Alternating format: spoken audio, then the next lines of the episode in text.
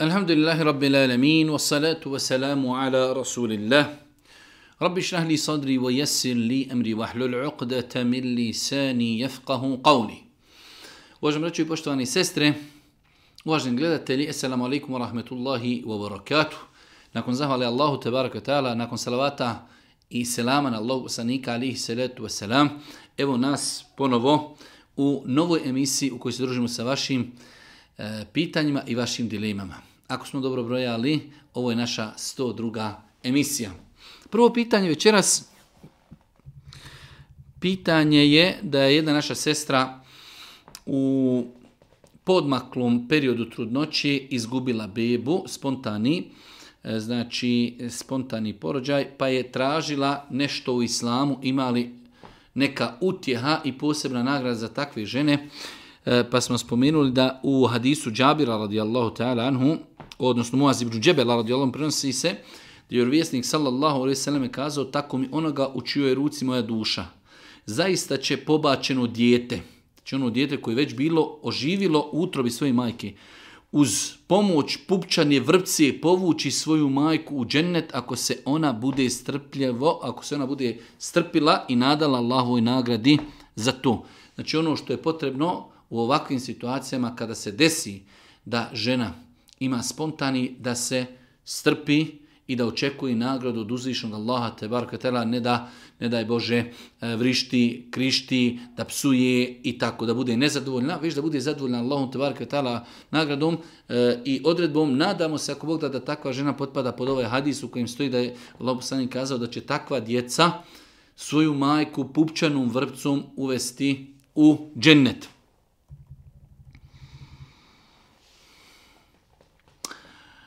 Opet problemi, poročni problemi, kaže u braku smo 14 godina, imamo troje djece i tako dalje. Muž je pokušao sa djevojkom od 20-21 godinu da ima neki intimni kontakt, pa smo mi to saznali. Kaže žena, ja sam slomljena u hiljadu djelića. Pitanje je šta u ovakvoj situaciji uraditi. U svakom slučaju, e,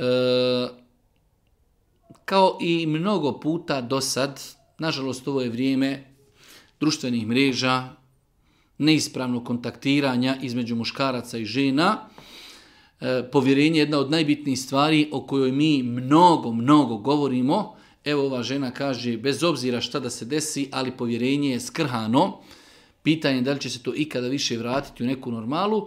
Ali ako nije došlo do intimnog kontakta, Ako se vide tragovi istinskog pokajanja na čovjeku, smatram da zbog ovih 14 godina braka, zbog djece, treba nastaviti i pokušati živjeti svakako e, i paziti i nadzirati i tražiti i e, da kažemo uvjetovati e, i teubu i pokajanje i ustrajnost i tako dalje, ali u svakom slučaju e, smatram da E, zbog 14 godina braka, zbog troje djeci, e, da bi e, supružnici jedni drugima trebali ovakve stvari da tolerišu, a nikako ih ne opravdavamo. Znači to što je čovjek uradio je apsolutna greška, ali Bože moj, svako mi se može desiti da padne, da se oklizni, supružnici trebali da jedni drugi razumiju i da daju priliku, da daju priliku ako se vidi doista uh, da je insanu teško, da ga je šetan zaveo, da je se pokajao, da je čvrsto obećao da to više nikada neće uraditi, ja smatram da je prioritetnije da se takvim osobama da druga prilika.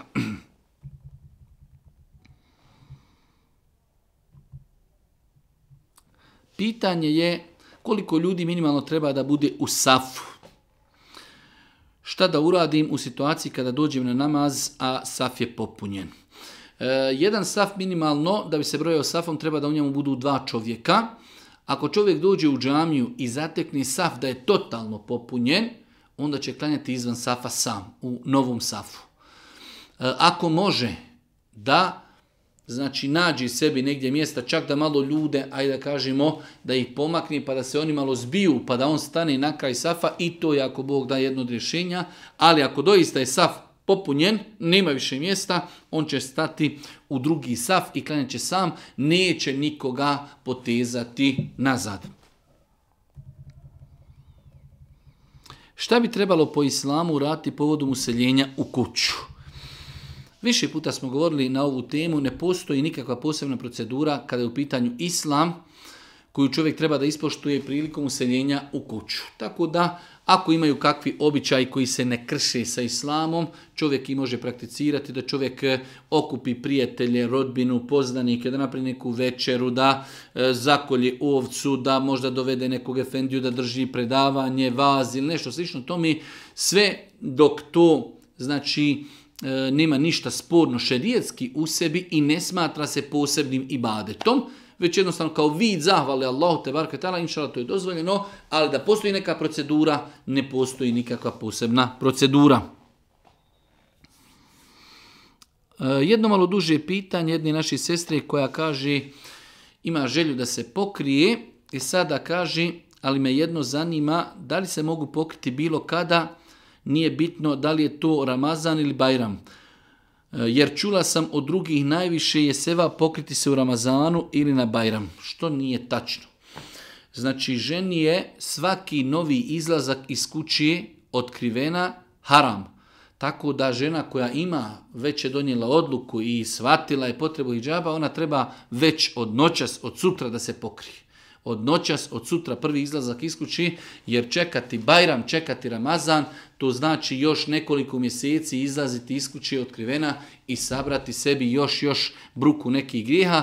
S druge strane, insan e, ne treba odgađati činjenje dobrih dijela, jer jednostavno insan u datom momentu osjeti slast, osjeti zadovoljstvo, i uradit će ibadet, ali ako ga prolongira za mjesec, dva, tri, možda će doći neko, možda će ga odgovoriti, možda ovo, možda ono i možda to neće ni uraditi. Tako da moj savjet da osoba koja je ovo svatila da treba da se odma pokrije ne čekajući nikakvog bajrama niti Ramazana i nije tačno da to treba čekati niti da je to tada neki poseban sevap.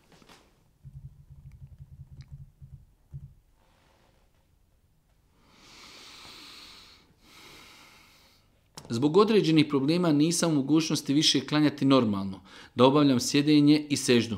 Problem, problem je silazak na seždu, to je sjedenje i ustajanje sa seždi. Ruku i stajanje mogu raditi i tako dalje. E, rekli smo više puta da u situacijama u kojima ljudi ne mogu samo činiti seždu ili ne mogu sjediti, da takvi ljudi neće odmah u startu sjediti na stolici i klanjati na stolici, već će početi klanjati stojeći, proći će suru, proći će fatihu, proći će suru, otiće na ruku, vratit će se sa rukua, e nakon toga, ako ne mogu učiniti seždu, nakon toga će sjesti na seždu, pa će znači seždu činiti tako što će se pogijeti malo naprijed, pa će se vratiti, pa će tako drugu seždu činiti, pa će opet ustati, znači pravilo veliko glasi u namazu, svi ruknovi koje možemo činiti, mi njih moramo činiti, a one ruknove koje ne možemo, onda ćemo njih činiti onako kako možemo. Tako da osoba koja ima problema sa seđnom i sa sjedenjem, ona mora stajati u namazu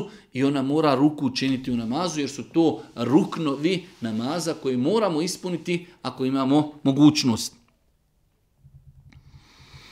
Idem na dva dana odmora. Potpadam pod udaljenost od kuće da smo oslobođeni obavljanja namaza i posta. Ali nam i nije baš velika poteškoća obavljati namaz na tom putovanju. Jedno baš čudno i, da kažemo, jedna čudna konstatacija, putujem na putovanju gdje sam oslobođen namaza. Ne može čovjek putovati nikada u životu nikakvim putovanjem da je oslobođen namaza. Ako se misli potpuno oslobođen namaza ako se misli e, da čovjek putuje dalje od 80 km pa da može skratiti i spojiti namaze, da.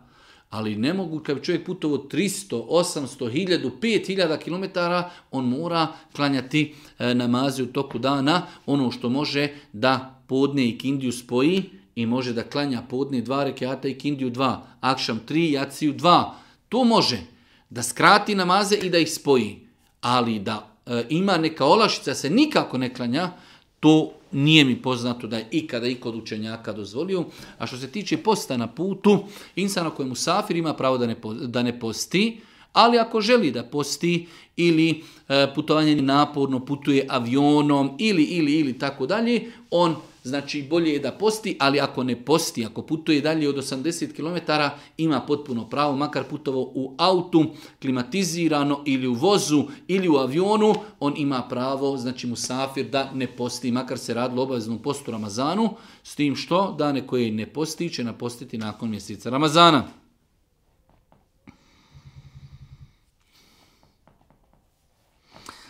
Da li je sporno koristiti termin po prirodi sam takav i takav? Allah najbolje zna, uh, mi znamo na šta se odnosi takav termin. Jeste problem našeg podneblja, što je naš jezik poprično siromašan, E, pa ljudi koji tvrdi da nema Boga, oni kažu priroda je sve stvorila, pa kada kaže ja sam po prirodi takav, to bi se moglo napraviti neka poveznica, ali generalno ljudi kada kažu ja sam po prirodi ljut, znači se da se misli moja narav je takva, moja čud je takva ili moj karakter je da sam ljut. Tako da ne vidim ništa sporno da čovjek kaže po prirodi sam takav, ali isto tako bolje je to izbjegavati. Samo zbog ovih hajde da kažemo nejasnoći kako to ne bi neko kazao, po prirodi sam kao priroda je mene stvorila da sam takav. Ne. Allah je taj koji stvorio čovjeka, stvorio zemlju, stvorio nebesa.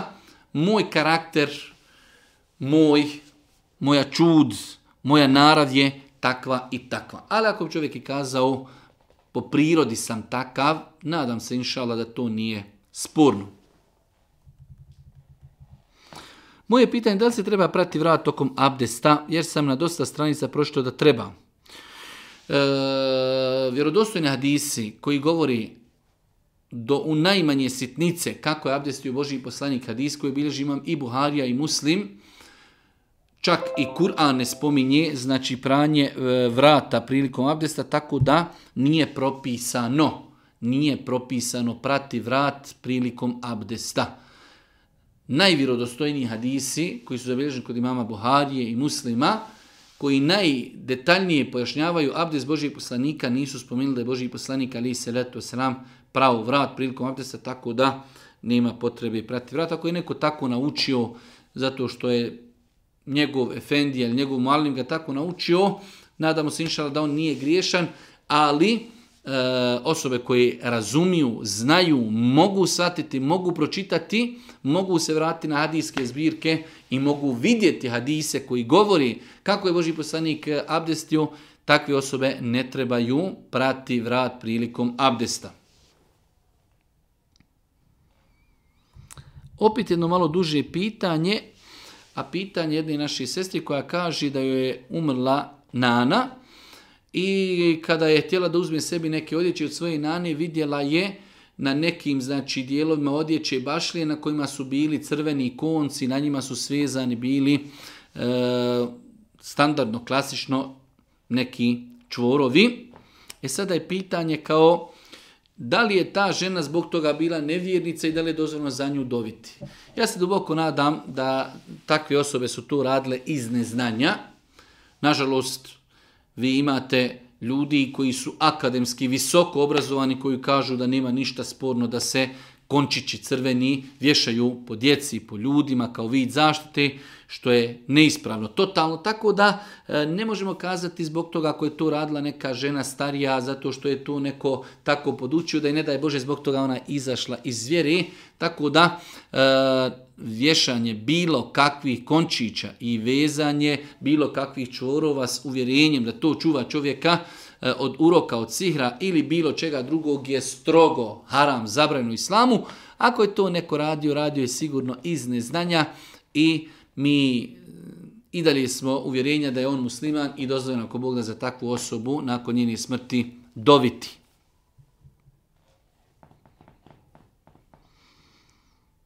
Zanima me kakav je propis vezano za Mevlud, jer vidim da ga mnogi u mojoj zajednici obilježavaju. Neki tvrde to nije i tako dalje. Zanima me da li je dozvoljeno obilježavati Mevlud čak iako ga nije bilo u vremenu Božijeg poslanika. Vraćamo se ponovo na ono naše veliko pravilo, a to je da bi za određenu stvar kazali da ibadet moramo imati dokaz iz Kur'ana ili suneta Božijeg poslanika, ali se letu veselam. Allahu poslanik, njegovi ashabi koji su njega voljeli više stotinama i hiljadu puta nego što ga mi volimo, oni nisu obilježavali dan rođenja Božijeg poslanika, iako druga je stvar da ne postoji jasan dokaz kada se rodio Boži poslanik. To je prva historijska činjenica da se ne zna kada se rodio Boži poslanik. Ali evo da znamo kada se rodio Boži poslanik, znači nikada niko u prvih, e, prvim stoljećima koja su najbolja stoljeća Islama nije obilježavao e, rođenje Božijeg poslanika, organizirao me vlude, tako da e, bez imalo sumnije se može kazati organiziranje me vluda novotarija. To što određeni ljudi e, pravdaju takav postupak, pa mi tamo učimo Kur'an, pa mi tamo e, držimo predavanja i takve stvari e, u islamu da bi dijelo bilo ispravno, mora imati utemeljenje i mora biti iskreno e, u ime Allaha te barakvetala, ovakva dijela nemaju utemeljenje, nemaju utemeljenje, samim tim nije propisano da se to organiziramo. jedno baš specifično pitanje radim u Austriji u bolnici kao doktor. Veći dio svog radnog vremena provodim u operacijskoj sali. S obzirom da je plata jako dobra, ja sam veći, već duži period smanjio radno vrijeme na pola radnog vremena, da bi što manje namaza propustio. To jest, radim 2,5 dana sedmično. Radim ponedjeljak, utrak i srijedu do 12 sati. Petak sam uzeo slobodan da mogu ići na džumu i tako dalje. Pitanje je, Da li je čovjeku koji u ovakvoj situaciji uđe u operacijsku salu, ima težak slučaj, ušao je u 11 sati, a izaće u 4 sata, kada je prošlo, znači on kada je ulazio u podne, nije mogao klanjati, nije nastupilo, a kada izađe, već je podne prošlo. Šta ćemo kazati takvom insanu? Takvom insanu kažemo da e, treba da može spajati namaze. Znači osoba u ovakvoj situaciji kada je u pitanju spašavanje ljudskih života, jer smo rekli pravilo je kratiti namaze možemo samo na putu, a spojiti namaze možemo na putu, a možemo i spojiti u nekim drugim situacijama ako zatim postoji velika potreba. U ovom slučaju ako imamo doktora, koji radi operaciju koja traje 3, 4, 5, 6 sati, šta ćemo mu kazati osim da mu kažemo da spoji namaze? E, S, jednu, s jedne strane imamo spašavanje ljudskog života, a s druge strane imamo znači e, argumente koji ukazuju da je dozvoljeno u potrebi spojiti, spojiti namaze.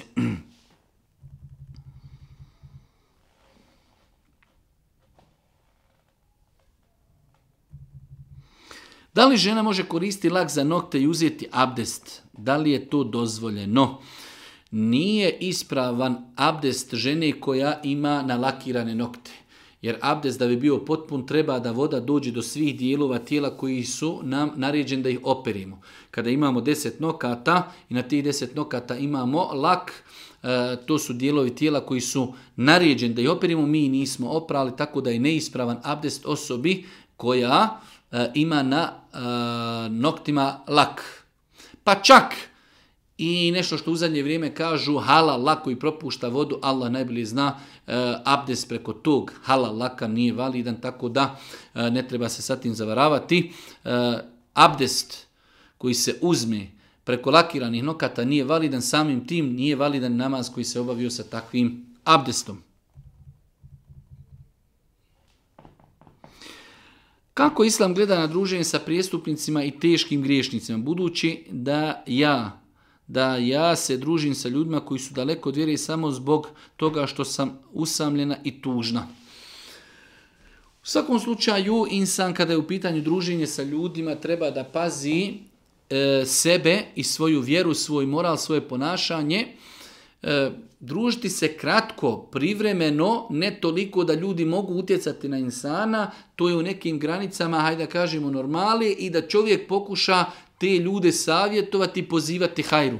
Ali sjediti sa ljudima eh, danonoćno koji psuju, koji ne klanjaju, koji duhane, koji se kladionicama bave i nargilama, samo je pitanje dana kad ćemo i mi postati kao oni. Tako da insan, eh, znači kada je u pitanju društva, treba da pazi s kime se druži. A ako se već druži sa osobom koji imaju loše navike, onda to treba svoditi na minimum i treba se pokušati potruditi da utječe na njih, da ih savjetuje, da ostave loše navike.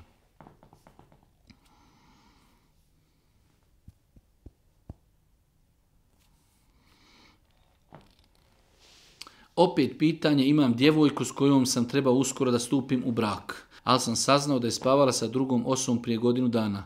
Ona se iskreno kaje, ali mene izgara iznutra. Šta da radim? To su te boljke savremenog doba gdje naši omladinci i omladinke dok su mladi ne razmišljaju, ne čuvaju svoju čednost kao što muškarcima teško pada kada čuju da djevojka koju hoće ženiti je već imala intimni kontakt. Isto tako i djevojkama teško pada kada hoće da se udaju i čuje od svoga momka da je on već imao neke e, žene s kojima je intimno kontaktirao. Tako da e, prvi savjet jeste da se omladina treba čuvati čuvati svoju čednost, čuvati svoju moralnost, čuvati poštenje. S druge strane, e, opet se vraćamo na taj moment u islamu, je dozvoljeno oženiti ženu koja je već imala e, nemoralnu radnju, ako se vidi da se doista pokajala. Ako imate nekada žena koja su jednostavno mlado, ludo, napravila je neki ekses dok je bila mlađa, poslije vratila se vjeri, svatila da je to greška, mora se i ona za nekoga udati. Tako da, Eh, ako je insan zadovoljan sa fizičkim izgledom, psihičkim izgledom, eh, sa vjerom takve osobe, iako je vidio pokazatelje njenog pokajanja, eh, ima pravo da je oženi. Ako je oženi, nemaju pravo više to prigovarati. To je nešto što je bilo, ona se od toga pokajala, bez obzira koliko da se sutra naljuti, ne može joj kazati, a ti si radila to i to, prihvatio si takvu ženu, znači živi sa tim čovjek ima pravo da to prihvati, ali ima ljudi koji to ne mogu prihvatiti i takve ljude treba razumjeti.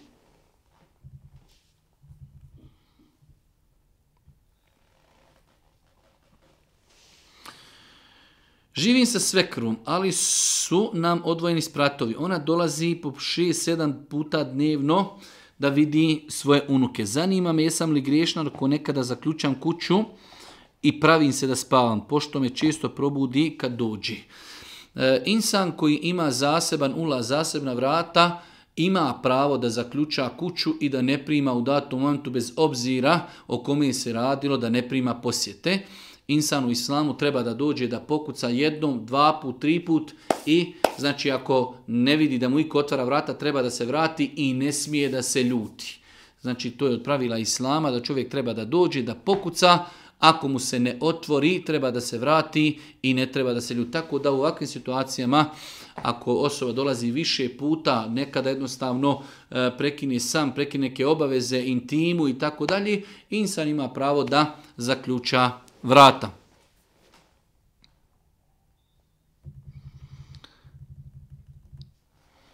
U vezi hadisa koji glasi da se Allah spušta na zemaljsko nebo u zadnjoj trećini noći i pita i tako dalje. E mene zanima od kada počinje zadnja trećina noći. Znači, vjerodostanim hadisma stoji da je Allah poslani kazao da se uzviše Allah tebar katala u zadnjoj trećini noći spušta na dunjalučko nebo i pita ima li neko da nešto traži pa da mu dam, ima li neko da moli za oprost grija pa da mu oprostim. E kada nastupa ta zadnja trećina noći, znači uzmemo period, vrijeme od zalaska sunca, do pojave zore, početka sabaha. Znači, zalazak sunca i početak sabaha, pojava zore. Taj broj sati, ako šta ja znam, ako je to 9 sati, podijelimo sa 3 E, znači prva trećina je 3 sata, druga trećina je 3, to je 6. Nakon 6 sata od zalaska sunca, 3 sata prije pojave zori, nastupa, nastupa zadnja trećina noći. Znači, bitno nam je da period uh, od zalaska sunca do pojave sabaha, pojave zori, početka sabaha, vidimo koliko je to sati, podijelimo sa tri. Taj rezultat kojeg dobijemo, toliko traje zadnja trećina noći.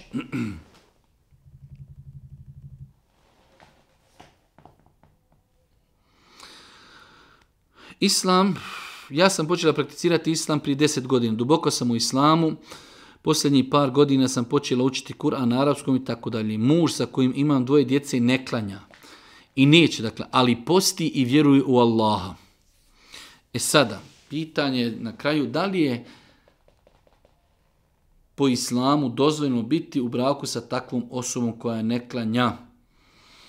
U svakom slučaju, ako insan koji ima pri sebi neki dijela od islama kao što je post, kao što je bajram, džuma, kurban i tako dalje, on sa tim stvarima ostaje u nekoj najširoj, najširoj granici islama. Samim tim on je musliman i ako Bog da sa njim je dozvoljeno živjeti. Ostavljanje namaza je apsolutno jedan od najvećih grijeha, ali isto tako dok posti i kad posti i klanja, vjerovatno ide na džumu, ide na teraviju i kolje kurban, sve su to dijela koja njega vezuju za islam i samim tim to je potvrda njegovog islama to što radi ostavlja namaz je veliki grijeh, nadamo se da je sa takvom osobom dozvoljeno ostati u braku. Zanima ako putujem autobusom cijelu noć od 7 na večer do 7 ujutro i vozač ne pravi velike pauze jer je noć, kako da klanjam namaz? Ako je sabah recimo u to vrijeme i tako dalje. U svakom slučaju mi smo više puta govorili o namazu osoba koje se voze u autobusima na dužim relacijama. Ako se potrefi pauze u vremenu namaskog, znači vremenu namaza kao što je saba saba, ne traje dugo i to jeste problem. Ako uglavnom vozači prave pauzu ili da zamolimo vozača da napravi pauzu, ako napravi pauzu da nam je obaveza da klanjamo na zemlji stojeći. Da, na osnovu mobitela, na osnovu vaktije, na osnovu E, bilo koji drugi neki pomagala, određimo gdje je kibla, prostitimo sebi pastekiju i klanjamo stojeći. Ako, ako bi se desilo da se toliko dugo putuje da će namasko vrijeme proći, znači tada će čovjek klanjati u autobusu sjedeći onako kako je okrenut autobus. Meni je toliko godina, i prije toliko dana sam imala amputaciju desne dojke radi početnog karcinoma.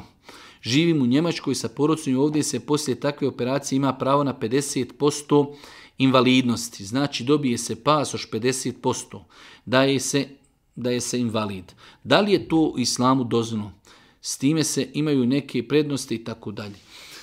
E, sve ono što država nudi određenoj kategoriji ljudi i čovjek ispuni te uvjete bez ikakvog varanja, nema nikakve smjetnje da čovjek uzme. Dosta puta ćemo vidjeti da država pomaže invalide, pomaže školarce, pomaže studente, pomaže djecu, pomaže e, penzionere. Ono što je bitno kada nam neko nešto daje besplatno, postavi uvjete, nama je bitno da mi ispunimo te uvjete onog momenta kada mi ispunimo te uvjete i dobijemo tu neku pomoć, to je bez imalo sumnje dozvoljeno uzeti. Dosta puta sam čuo i pročitao da je muškarcima zabranio nošenje e, odjeće crvene boje, pa me interesuje koliko je to tačno. Imaju određeni hadisi iz kojih se može shvatiti da je zabranio nošenje crvene odjeće, ali isto tako imaju hadisi da je Allah poslanik nosio crvenu odjeću, tako da Ja sam lično stava da u osnovi nema smetnje nositi crvenu odjeću, pogotovo ako na toj odjeći ima e, još neke druge boje mimo crveni. Pogotovo ako na toj odjeći ima nešto mimo e, crvenog, znači to je, ako Bog da dozvoj, no a ako je u pitanju samo crvena boja, e, ja sam opet stava da je to ako Bog da dozvoljeno, a postoji razilaženje učenjaka da li se može nositi samo crvena boja.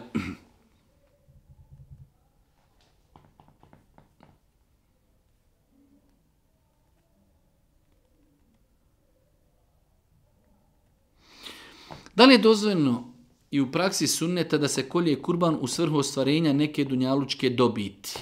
Znači jedna porodca pita ne mogu da imaju potomstvo djece pa bi oni da zakolju kurban na ime sadake pa da to ako Bog da bude razlogom da im Allah tala podari e, porod. Ja smatram e, da je to bespotrebno ako ćemo već dijeliti kurban na ime sadake, onda je bolje već odma tu sadaku direktno podijeliti. Tako da, ako insan već e, želi podijeliti kurban na ime sadake, onda e, smatram da je prioritetnije, lakše i bolje sirotinji i bijedi kada mu date 10 eura, 20 eura ili 50 eura, nego kada mu donesete kilu mesa, da li će pojesti ili neće. E, možda njemu trebaju tablete, možda mu treba da plati račun za struju, ako mu donesete kilu mesa, možda će i baciti. Tako da, ako već želimo sadaku, onda mislim da je prioritetnije da se da se da u novcu.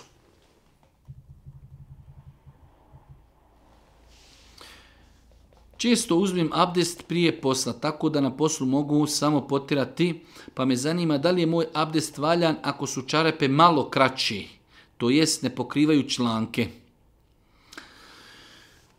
U svakom slučaju velik broj učenjaka smatrao je da bi čarape po kojima se potira, potiri ili mjeste da moraju biti iznad članaka, analogno pranju noge prilikom abdesta. Jer kazali su islamski učenjaci, nama je prilikom abdesta obaveza oprati članke.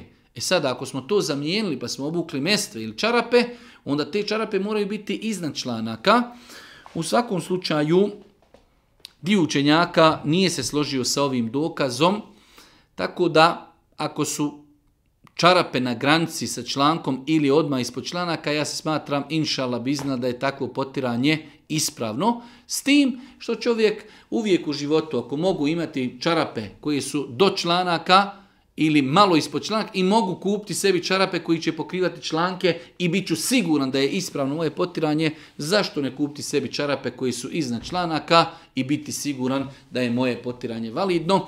E, iako kazao sam, dio učenjaka je smatrao da uvjetovanje Ne, ne, da, da mjesta i čarapi moraju pokriti članak nema svoj dokaz. Uh, E, tako da ako bi neko i potirao po mjestvama ili čarapama koje nisu došle do iznad članaka, inšala njegovo potiranje je validno, ali je to bolje izbjegavati.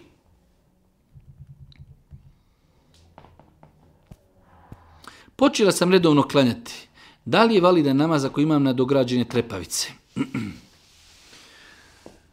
Prvo je pitanje koliko je ženi muslimanki dozvoljeno nositi na dograđene trepavice trepavice a nakon toga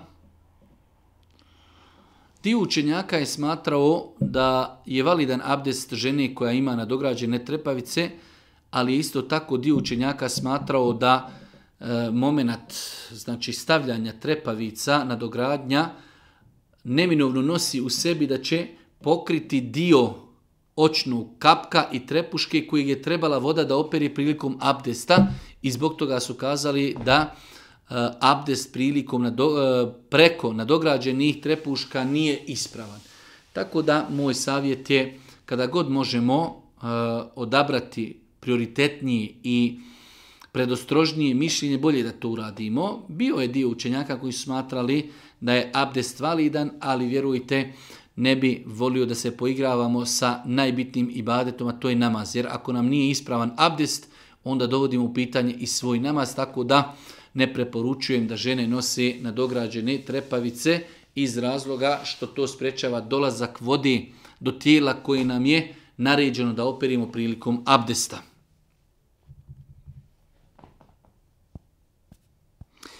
Da li može da se stupi u brak sa osobom za koju govore da smo rod mog oca dedo i od momkovog dede dedo braća? mog oca dedo i od momkovog dede dedo, braća. Možemo li se uzeti u braku? Apsolutno da. Apsolutno da.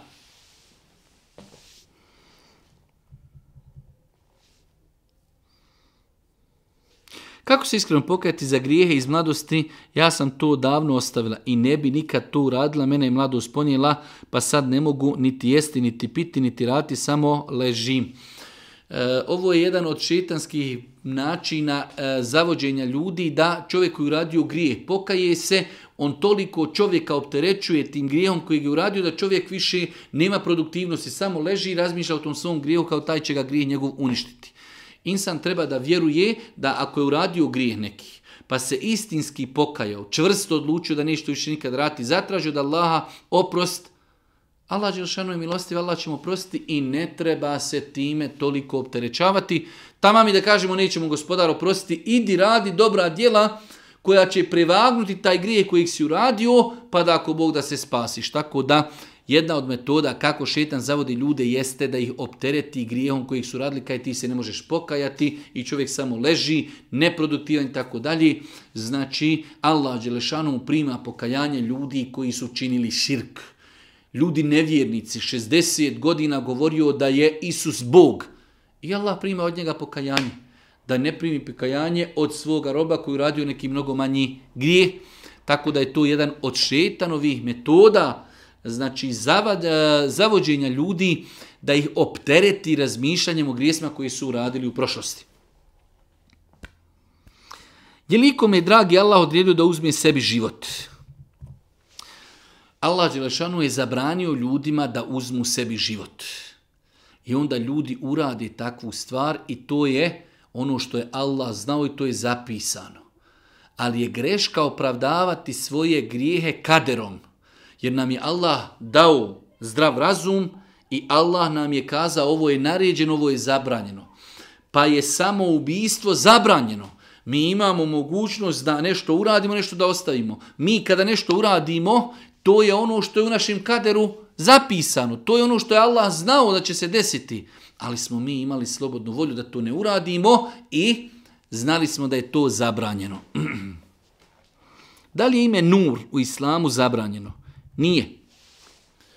Nur može se, kao što kaže Arapi, nadjevati i muškoj i ženskoj djeci. Nur, ime Nur, je dozvoljeno dati i muškom i ženskom djetetu. Jedno malo duže pitanje koje se odnosi na potiranje po čarapama, primjera radi osoba koja je prije spava, imate ljudi koji spavaju u čarapama i prije što legnu spavati, abdesti obuku čarape. Šta je pojenta? Moraju li se svaki dan čarapi samo na sabah oblašiti pa da mi mogli potirati taj dan? Apsolutno ne. Mi najveće osoba koja spava u čarapama, nećemo govoriti treba ili ne treba, ali imate ljudi, abdesti obuku u čarape, i sutra ustaje na saba, može li on odmah potirati po tim čarapama? Apsolutno da. On počinje od tog sabaha potirati i sutra do narednog sabaha dan i noć on ima pravo da potiri. Znači potiranje po čarapama nije ograničeno da mora biti samo od sabaha ili da smo obukli čarape nas, o, nakon sabah namaza. Kada god mi obučemo čarape, bitno je da smo abdestili obukli čarape. Od onog momenta kada prvi put mi abdestimo i potarimo – od tada, od tog prvog potiranja, imamo dan i noć. Da li će to biti prvo potiranje posle podne, posle kindije, nakon akšama, nakon jacije, kada god bude prvo potiranje, od tada imamo dan i noć. Noć.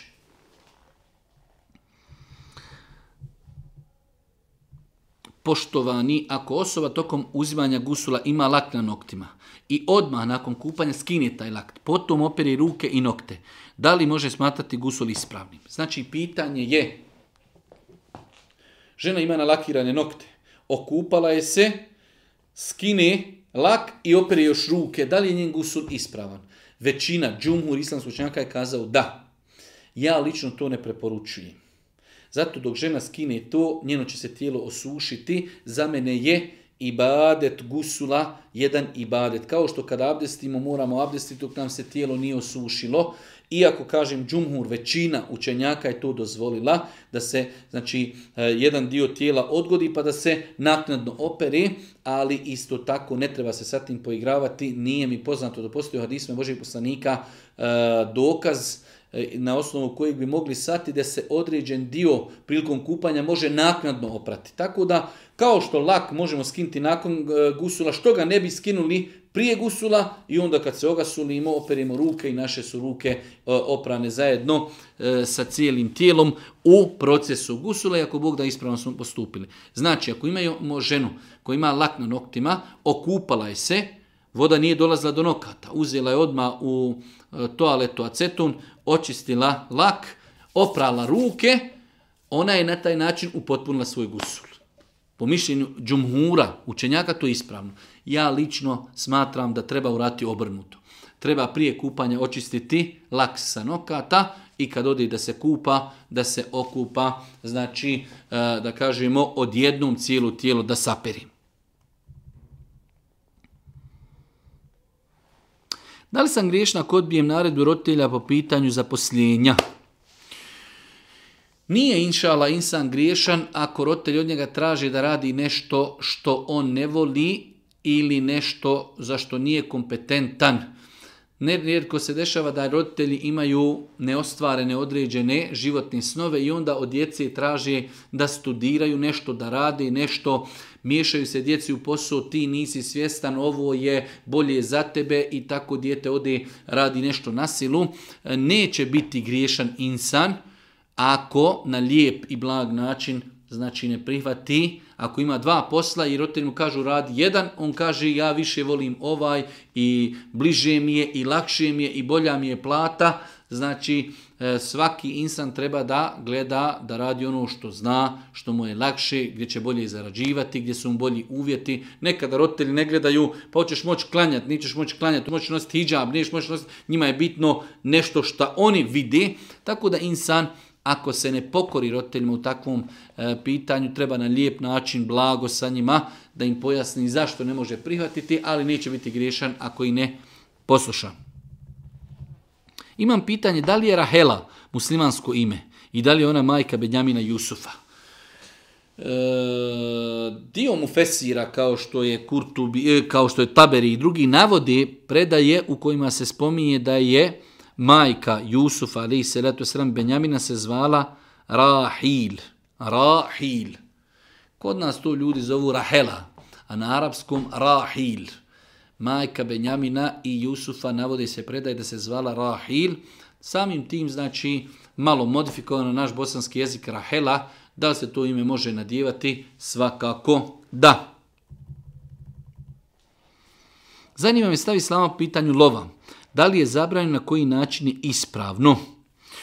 E, lov je u islamu dozvoljen, skoro pa u svim knjigama islamskog prava fikha imate poglavlje na kraju fikha, E, poglavlje lova. Lov je tretiran u hadisima Božih poslanika, tretiran je u kuranskim ajetima. Ono što bi lovac trebao da zna jeste koje su to životinje koje su jestive, koje može ubijati, koje su zabranjene u smislu njihovo meso da je zabranjeno jesti. S druge strane, propisi da bi određeno meso bilo halal, lovac treba da zna da prilikom pucnja, pucanja ili puštanja psa ili puštanja e, znači e, orla ili sokola koji je obučen da, e, da lovi, da mora reći bismila, orao ili pas koji se koristi prilikom lova moraju biti obučeni, prilikom pucanja se mora kazati bismila, ako se životinja stigne živa, ona se mora zaklati.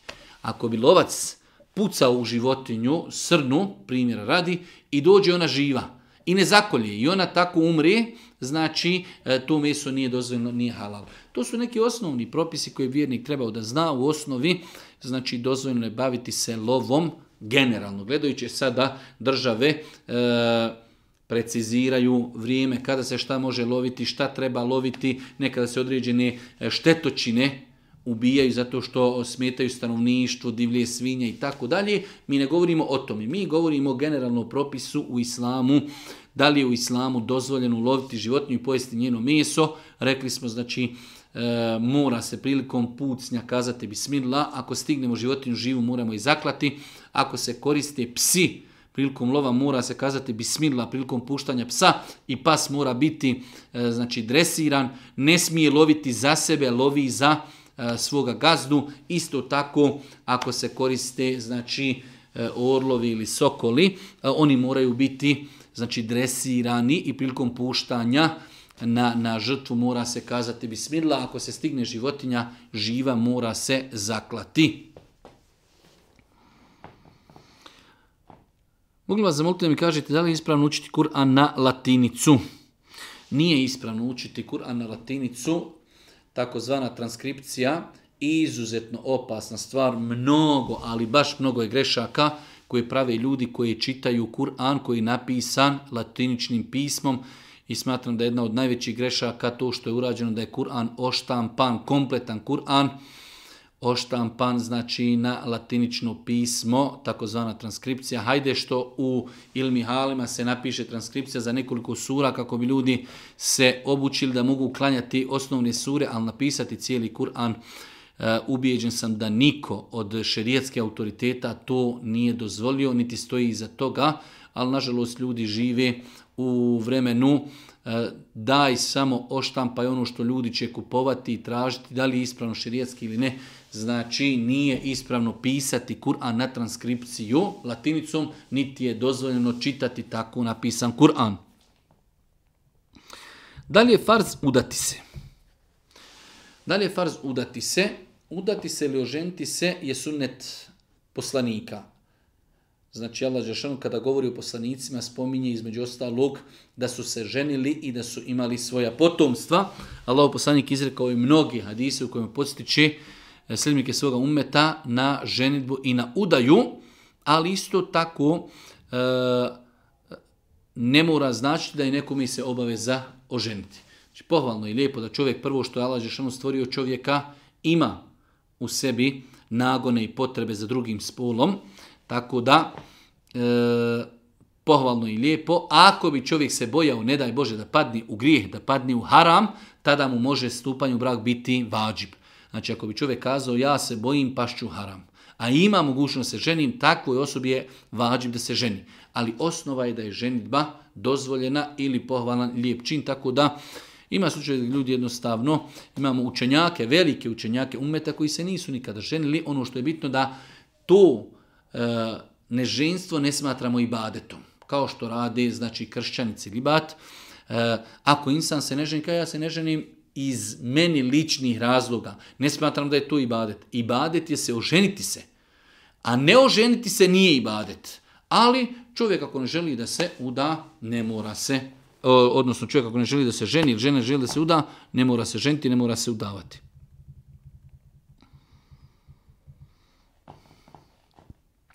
Imam 44 godine, nemam svoju djecu, ali sam uzela muško dijete. On sada ima 21 godinu. Da li pred njim moram stavljati mahramu? Apsolutno da. To je jedan od problema usvajanja djeci, takozvano usvajanje djeci, kada evo žena e, je usvojila muško dijete i to dijete je sada punoljetno, 21 godina, njoj je 41, 44 godine, on njoj nije mahrem. Osim u slučaju da žena usvoji malehno dijete, ono još nije napunilo dvije godine i ona ga zadoji svojim mlijekom, pa da ono bude njen sin po mlijeku, tada ona ne bi morala pred njim nositi mahram u protivnom. Ako insan usvoji muško, ako usvoji žensko dijete, to dijete, on njoj nije mahrem. I ona ne može sa njim putovati, ni se može sa njim osamljivati, ni se sa njim može rukovati i mora pred njim uvijek biti pokrivena i, i obrnuto. A ako žena usvoji muško dijete, to muško dijete za nju stranac, ne može sa njim rukovati, ne može sa njim putovati, ne može sa njim osamljivati, mora pred njim biti pokrivena. Da li je haram uzeti zemlju koju smo naslijedili poslije smrti oba roditelja? Apsolutno ne. Da li je haram uzeti e, miraz od naših roditelja? Ne. Uzvišnji Allah u Kur'anu je jasno pojasnio, ako se u mirazu, dodjeljuje osobi ono što je slijeduje i te kako je dozvoljeno. Nekada su u pitanju, možda mi živimo u nekim, da kažemo, siromašnim državama, imate nekada i za ljudi ostaju milijarde, ostaje milioni, čovjek ima dvoje, troje djece i ostavaju za sebe 20-30 milijardi. Znači svako dijete dobiva po 10-20 milijardi, da li tom djetetu dozvoljeno da uzme e, zaustavštinu i mira svoga roditelja? Apsolutno da. Da li je dozvoljeno uzeti zemlju? Da. Ali je bitno da to što dobivamo, dobivamo u granicama ono što nam je islam dodijelio da dobivamo, ako se znači miras dijeli prema islamskom načinu dijeljenja, da li čovjeku je dozvan da uzme ono što, što ga sljeduje? Apsolutno da. Posljednje pitanje, ako može odgovor, pijem lijekove, jednu tabletu pijem u dva sata po dani za vrijeme Ramazana, da li bi mogao tableta popijem bez vodi? Znači osobe koje piju tablete, imaju jednostavnu terapiju, da u toku dana moraju popiti tabletu, mogu li popiti tu tabletu nasuho bez vode i da ne pokvari post? Odgovor je ne. Znači pijenje tablete bez vode nasuho kvari post. Takve osobe, ako mogu uz konsultovanje sa doktorima, trebaju da pomjere tablete ili na sehur ili na iftar. Ako ne mogu, moraju piti, onda takve osobe potpadaju pod pojam bolesnika, one će, ako mogu, to tokom godine napostiti, ako ne, onda će se iskupiti onako kako je propisano da se iskupuju, iskupe bolesnici za dane koje nisu postili. Allah subhanahu wa ta'ala molimo da nas učite na putu istinu, da nam podari dobro dunjalka i ahireta, da nam lakša prakticiranje onoga što smo naučili, subhanike Allahumma i bihamdike, Ešhedu in la ilaha illa entestagfiruke ve etubu ilejk. Oh.